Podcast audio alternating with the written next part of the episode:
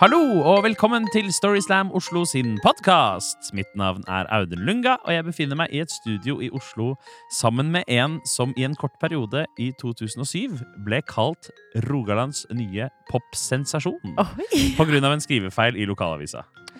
Nemlig Karoline Marie Enoksen. Ja, Hallo! hei! Velkommen til deg! Tusen takk!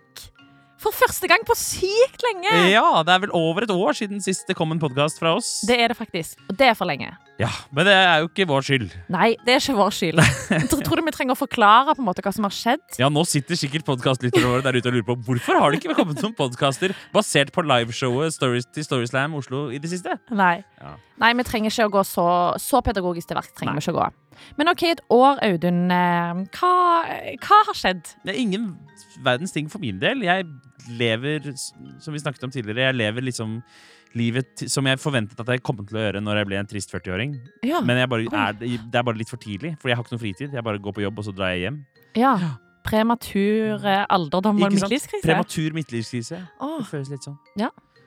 Det, det var jo eh, litt mørkere enn det jeg hadde sett for meg. Ja, meg også, egentlig. Ja, Men eh, mm. ja, sånn er det. Ja. Hva med deg? Eh, jo, altså, jeg vil jo si at det, det har jo skjedd noe vekst. Ja. Eh, jeg har fått fast jobb Så i en prestisjetung medieinstitusjon. Som vi ikke skal navngi av uh, visse grunner? Eller, eller, eller kan vi Jo, navngi? men jeg kan navngi det. Ja. Da. I en kjempetabloid avis Ja.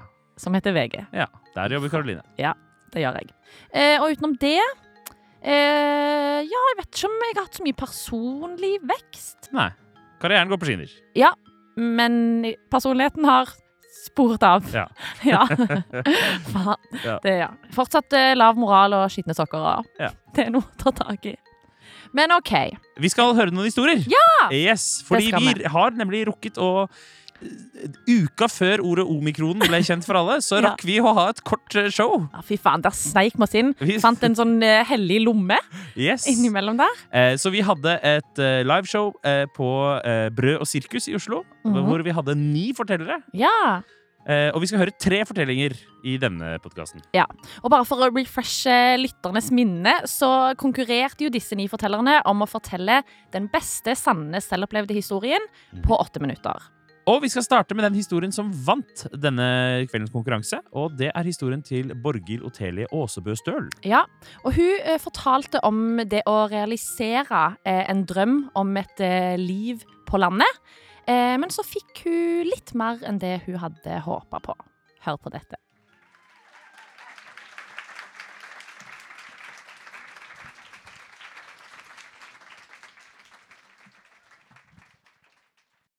Helt øverst i bakken.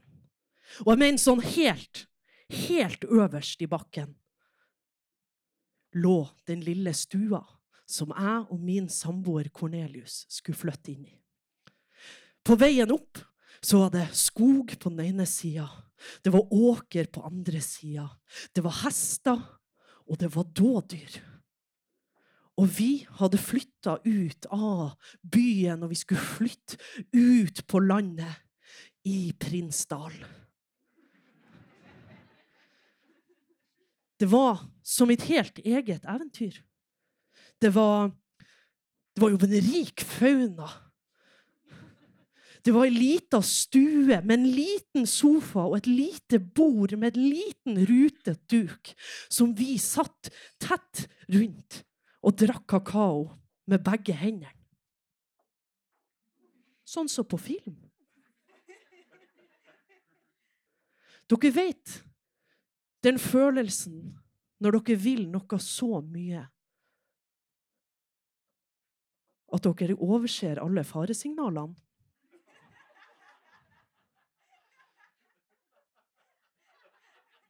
En desemberkveld kom jeg hjem.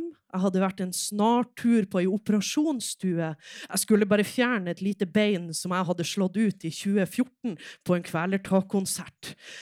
Det var en full narkoseoperasjon der jeg sjøl hadde valgt å ta bussen hjem fra byen. Og jeg kommer inn i den lille stua i Prinsdalen. Og der sitter min samboer. Og han er helt alvorlig i fjeset. Borghild, vi må snakke om det. Må vi snakke om det nå? Skal vi ikke ta en kopp kakao først? Nei, vi må snakke om det nå.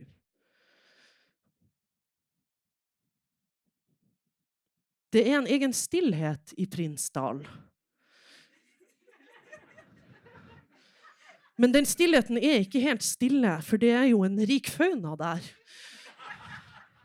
Så jeg hørte hestene som vrinska, jeg hørte dådyrene som tusla rundt i den lille skogen. Og jeg hørte den lille, lille lyden.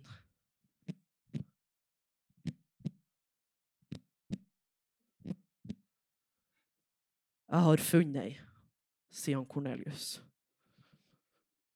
Har du funnet ei? Ja.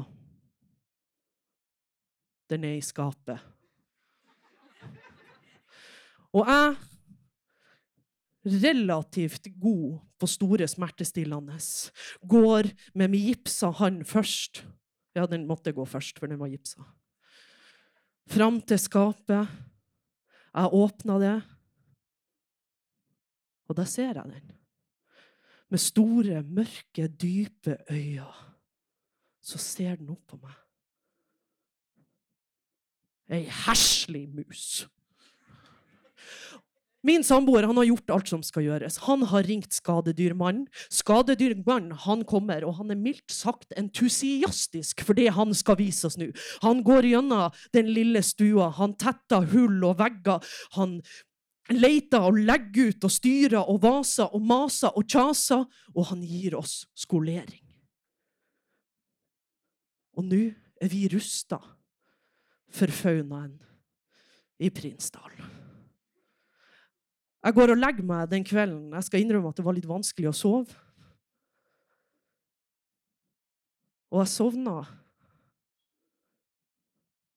Og når jeg våkna, så var det en ny lyd i Prinsdal.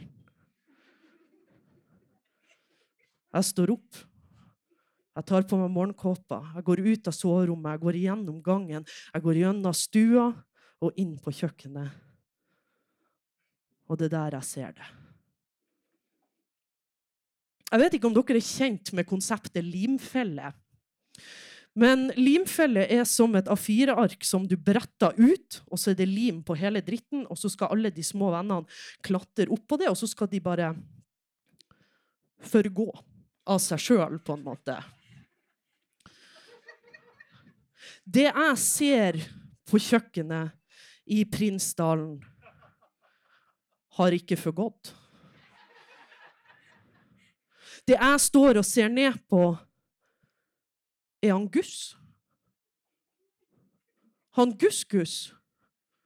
Den lille, lubne vennen til ho Askepott. Han med gul skjorte og grønn lue. Og han ligger der.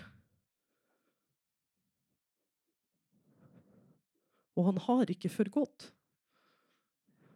Så jeg gjør jo det man må gjøre i en sånn situasjon. Jeg ringer min gode fe.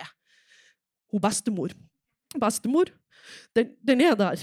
Ja, men Borghild, da må du faktisk bare Nei, men jeg vet ikke om jeg klarer. Jo, men Borghild, du må ta den. Så med ei hånd i gips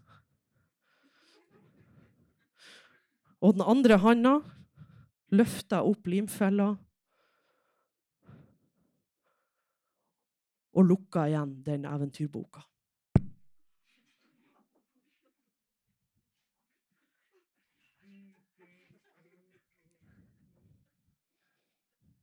Det var den tredje nye lyden i Prinsdal.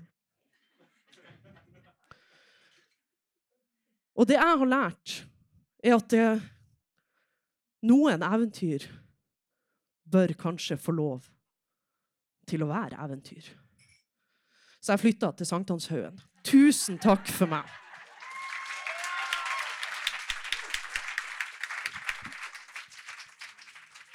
Tusen takk til Borghild. Mm. Mm. Hva tenker du, Audun? Har du noen erfaring med liksom uventa musebesøk i huset? Eh, ja, nei, ikke noe særlig i huset, men eh, jeg hadde jo på en tidligere arbeidsplass så måtte vi ha musefeller. Og da hendte det jeg kom på jobb og måtte starte dagen med å kaste mus i søpla. Ja, ja, ja. Nei, men, men i litt mer sånn nå, nå skal jeg gi litt mer overført betydning.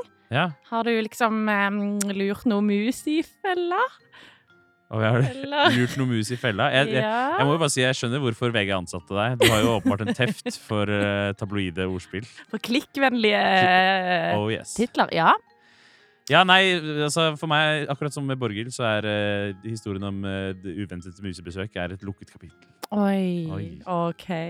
Den er god. Snipp, snapp, snute. Ja. Jeg møter en murvegg knallhard her, så da går vi bare videre, kanskje, Det gjør vi. til neste fortelling. Det skal vi gjøre, og det er fortellingen til Jakob Berg. Ja. Og han eh, opplevde òg komplikasjoner en gang han fikk gjester i huset.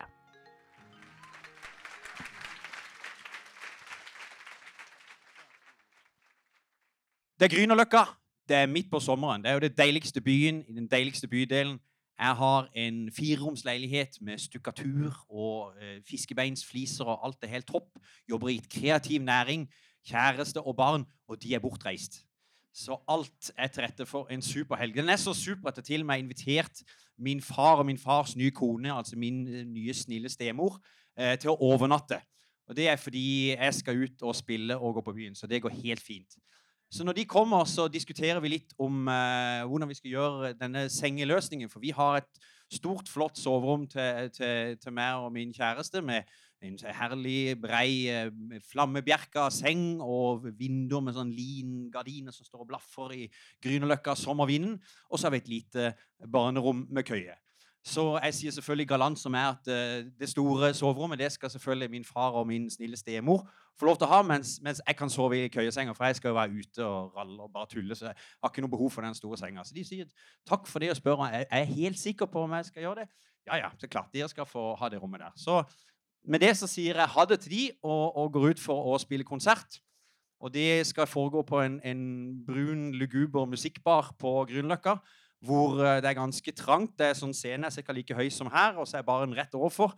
Og så er døra der, så publikum går rett inn og forbi oss som står og spiller. Og Der spiller vi tre sett. Det er gratis inngang, så det er ganske sånn fri og glad, eh, drukken stemning. Og vi får veldig dårlig betalt, men vi får veldig mye ølbonger. Så det er en fest å spille der hver gang.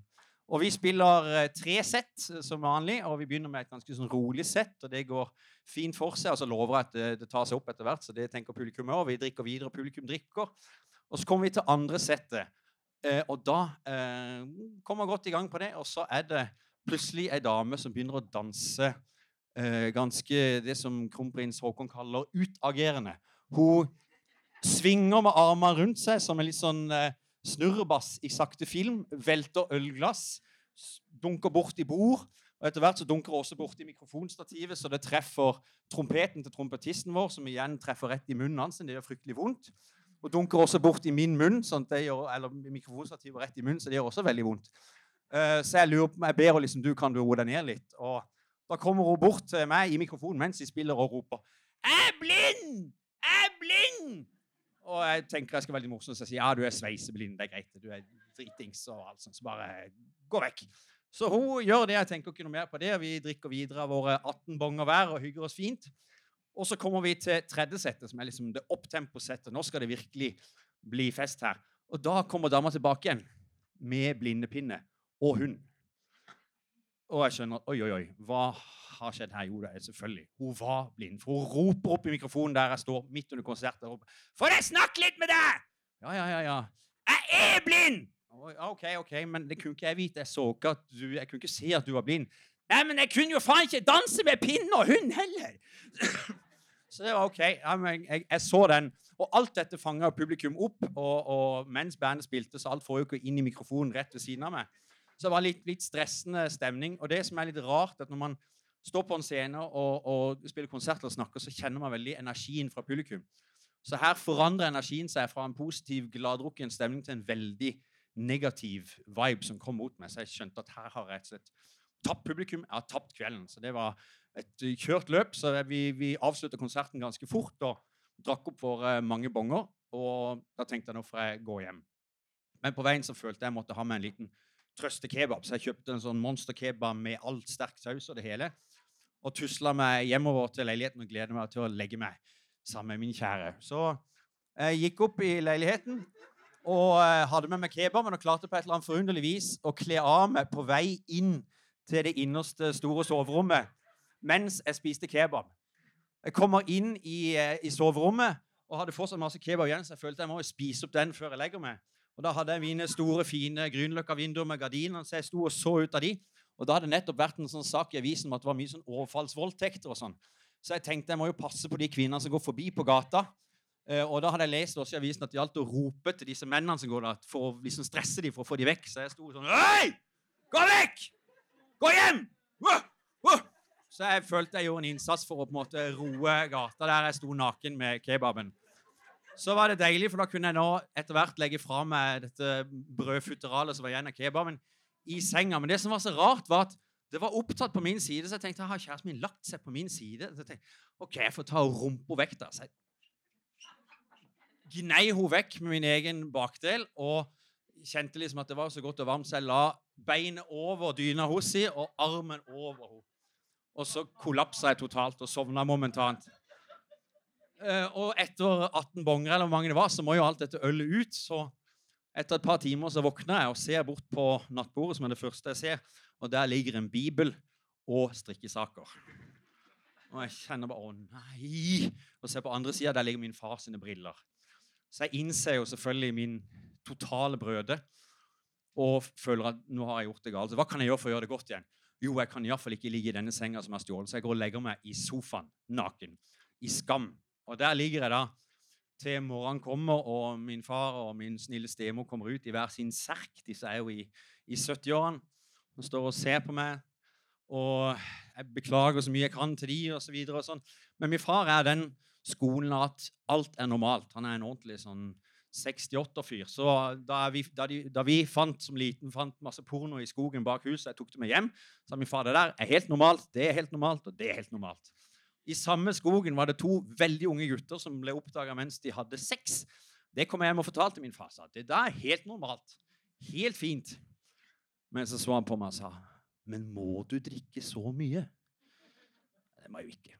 Takk for meg.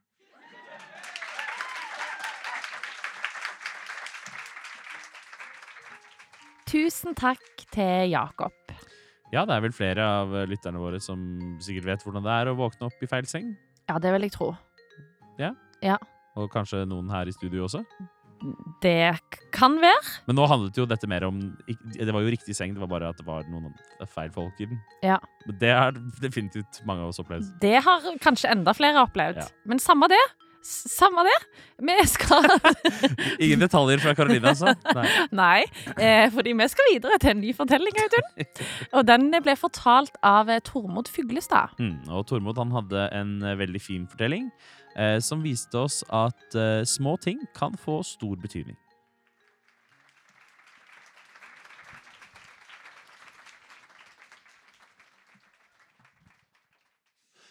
Jeg elsker asfaltering. Altså, jeg elsker asfaltering. Og Derfor er det så utrolig digg å bo på Grünerløkka. Nå har de akkurat asfaltert hele Sleppegrells gate. Og alt jeg trenger for å føle meg trygg, det er bare å gå ut og stille meg opp på fortauet. Og der står jeg og drar inn den lukta og ser på dem. På maskinene og flammene og dampen og de svære folka. Menn og kvinner og jeg vet ikke, med svære klær, hansker, og de er skitne, og støvlene er svære. Svære, skitne og trygge voksne. Jeg har veldig mye eh, forskjellig erfaring med voksne, da, for de voksne har jo veldig mange måter å hjelpe unger på inn i verden. sant? Um, veldig bred erfaring der. Så nå, jeg gleder meg sykt til å begynne på skolen. Og det var jo for jeg hadde jo lest i mange år allerede. Fordi jeg begynte jo på skolen når jeg var tolv år. Nei, jeg begynte å lese når jeg var fire. Så når jeg begynte på skolen når jeg var sju, så gledet jeg meg helt sinnssykt endelig så skulle jeg lære mer. sant? Jeg jo, hadde jo bare lest helt alene hjemme. Og jeg kom på skolen, og jeg får utdelt boka med A og B til Ali Baba. Og i den boka så sto det Ola så is. Sel, sa Siri. Så eh, vi skulle jo vise hva vi kunne, da. Så vi leser opp én og én, og når det ble min tur, så sa jeg Irisas, les. Hva sier du? Og jeg bare ler, sant? Jeg leser baklengs. Er det noen som har bedt deg om å lese baklengs? Nei? Nei. Så snu boka, da. Så kan du si hva som står der. Ja. Sel, sa Siri. Å, du er så flink. Mhm. Jeg var så flink. Og dette fortsatte jeg jo. Fortsatte med det og prøvde å Men jeg klarer det jo ikke. sant? Uke etter uke er det der med A og B-tall i Baba. Så istedenfor å bare sitte der og glo på de Ola og den isen hans, så gikk jo jeg heller og hjalp de andre. Jeg gikk bare bort til de som ikke kunne det. sant? Det er en S, og det er en E, og ja, her står det sel. Tormod, kan du sette deg ned? Ja, jeg kan sette meg ned. Kan du sette deg ned? Altså, det var helt håpløst. Jeg kunne jo ikke sitte stille engang. Nå er det melding med hjem, sa hun en dag. Melding med hjem. Hun kan liksom ikke sende et brev. Nei, nei, jeg skal bære den meldingen. I denne røde, Husker dere den røde meldeboka? Det er walk of shame, det. Hjem til mor. Ja vel. Det står her at du ikke kan sitte på stolen din. Klarer du ikke å sitte på stolen din? Jo, altså, jeg klarer å Svarer du når jeg spør deg? Hva har jeg sagt om å svare når jeg spør deg? Skal jeg si noe, da? Eller skal jeg Nå er du frekke, sant? Ikke vær frekke. Da er det rett på rommet ditt. Og så ringer jeg til far. Og når far kom, så ble det jo mye lettere å forstå. Fordi han kan snakke skikkelig høyt. Så da skjønte jeg det at det er jo ikke, det er ikke vanskelig. Det er jo, ikke, det er jo faen ikke vanskelig å sitte stille på stolen sin. Um, det er ikke det. Og du, du, du, kan ikke bare tulle på skolen. sant? Du må ta det alvorlig, du må gjøre som de sier. Det er jo ikke vas. Du er det for en grunn. Du er det for å gjøre som de sier. Så jeg skjønte det. Og så skjønte jeg at det, voksne er det i grunnen greiest å holde seg unna. For det blir, eh, blir, enklest på den måten. Så jeg ble så usynlig jeg kunne, og det er jeg ganske bra på, faktisk. Så jeg begynte å stå opp før alle andre i familien. Gikk før alle andre gikk til skolen. Helt alene gikk jeg der langs jernbanen, gjennom hekker, fant sånne hemmelige stier. Det var nydelig. Og når jeg kom til skolen, så hadde jeg mitt beste gjemmested. Det var et svært grantre som jeg klatra sånn fem meter opp i, og satt helt alene der til det ringte inn. Og så gikk jeg inn, satte meg bakerst i klasserommet, og så sa jeg Ola så is. Jeg var så flink. Det var ingen som så meg. Og så en dag så skulle jeg til skolen. Og jeg hadde jo gjort som jeg alltid gjorde. Jeg gikk eh, tidlig. Det var ikke en kjeft ute. Og jeg var helt alene. Og så er det ett sted jeg måtte under veien. Altså ett sted som jeg måtte gå. Det var under den undergangen under riksveien. sant? Eh, og denne dagen så var det helt løye. Altså, det var det lukta helt sånn voldsomt og intenst, og det var flammer, og det var damp, og det var helt vilt. altså Maskiner, og det rista. Og, og jeg ble så nysgjerrig at jeg nesten glemte å være redd. Så jeg går nærmere. Og han ser meg før jeg ser han. Her kan du ikke gå! Nei, nei, her kan jeg ikke gå. Jeg, eh, jeg må finne en annen vei. Det, det, skjønte jeg jo. Nå har det gått feil vei igjen. Altså, jeg, må, jeg får bare gå over veien, da. Og han kommer nærmere og ser på meg. Og jeg vet det. Ja, ja, ja. Jeg har jo bare lyst til å springe, sant? Men beina bare stivnet. Nå kommer det. Nå kommer beskjeden. Den er helt sikkert tydelig og fin. Så han bøyer seg ned og snur ryggen til meg. Kom her, sa han. Og så klatrer jeg opp på ryggen hans. Og så bærer han meg gjennom undergangen. Og de der svære støvlene hans vasser gjennom asfalten, gjennom lavaen, gjennom flammehavet og dampen og den lukta. Og der sitter jeg og blir båret fram, og jeg bare lukker øynene. Og når jeg åpner det igjen, så står jeg på Grünerløkka, og så ser jeg på de fantastiske, trygge og nydelige og skitne menneskene med altfor mye klær og maskiner og flammer og damp, og jeg bare Og inni meg, der sitter Tormod, sju år, og han vet at noen voksne, når de møter unger med problemer, så tar de dem på ryggen, og så bærer de dem over.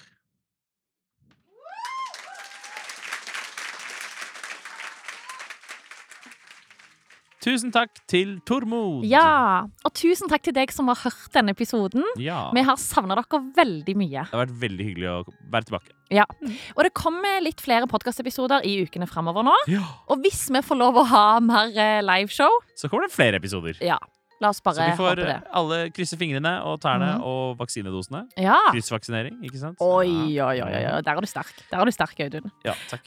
Og i mellomtiden så kan du jo følge oss på Facebook og på Instagram. Ja, ikke noe mer. Vi er, ikke på, jeg er fortsatt ikke på Twitter, Eh. og ikke på TikTok, og ikke på Nei. hva andre ting heter. men vi er på Clubhouse. Clubhouse? Ja. Hva er Clubhouse for noe? Hadde du hørt om Clubhouse? Clubhouse var en sosial medieplattform som var en døgnflue Ja. i februar. Så der valgte du å ja, Der valgte jeg å legge strategien. Med din teft for eh, medie... Ja, nettopp. Ja, Ja, og der har jeg litt å gå på. Absolutt. Så, men i mellomtiden, Ja. takk for nå. Takk for nå. Vi snakkes. Ha det.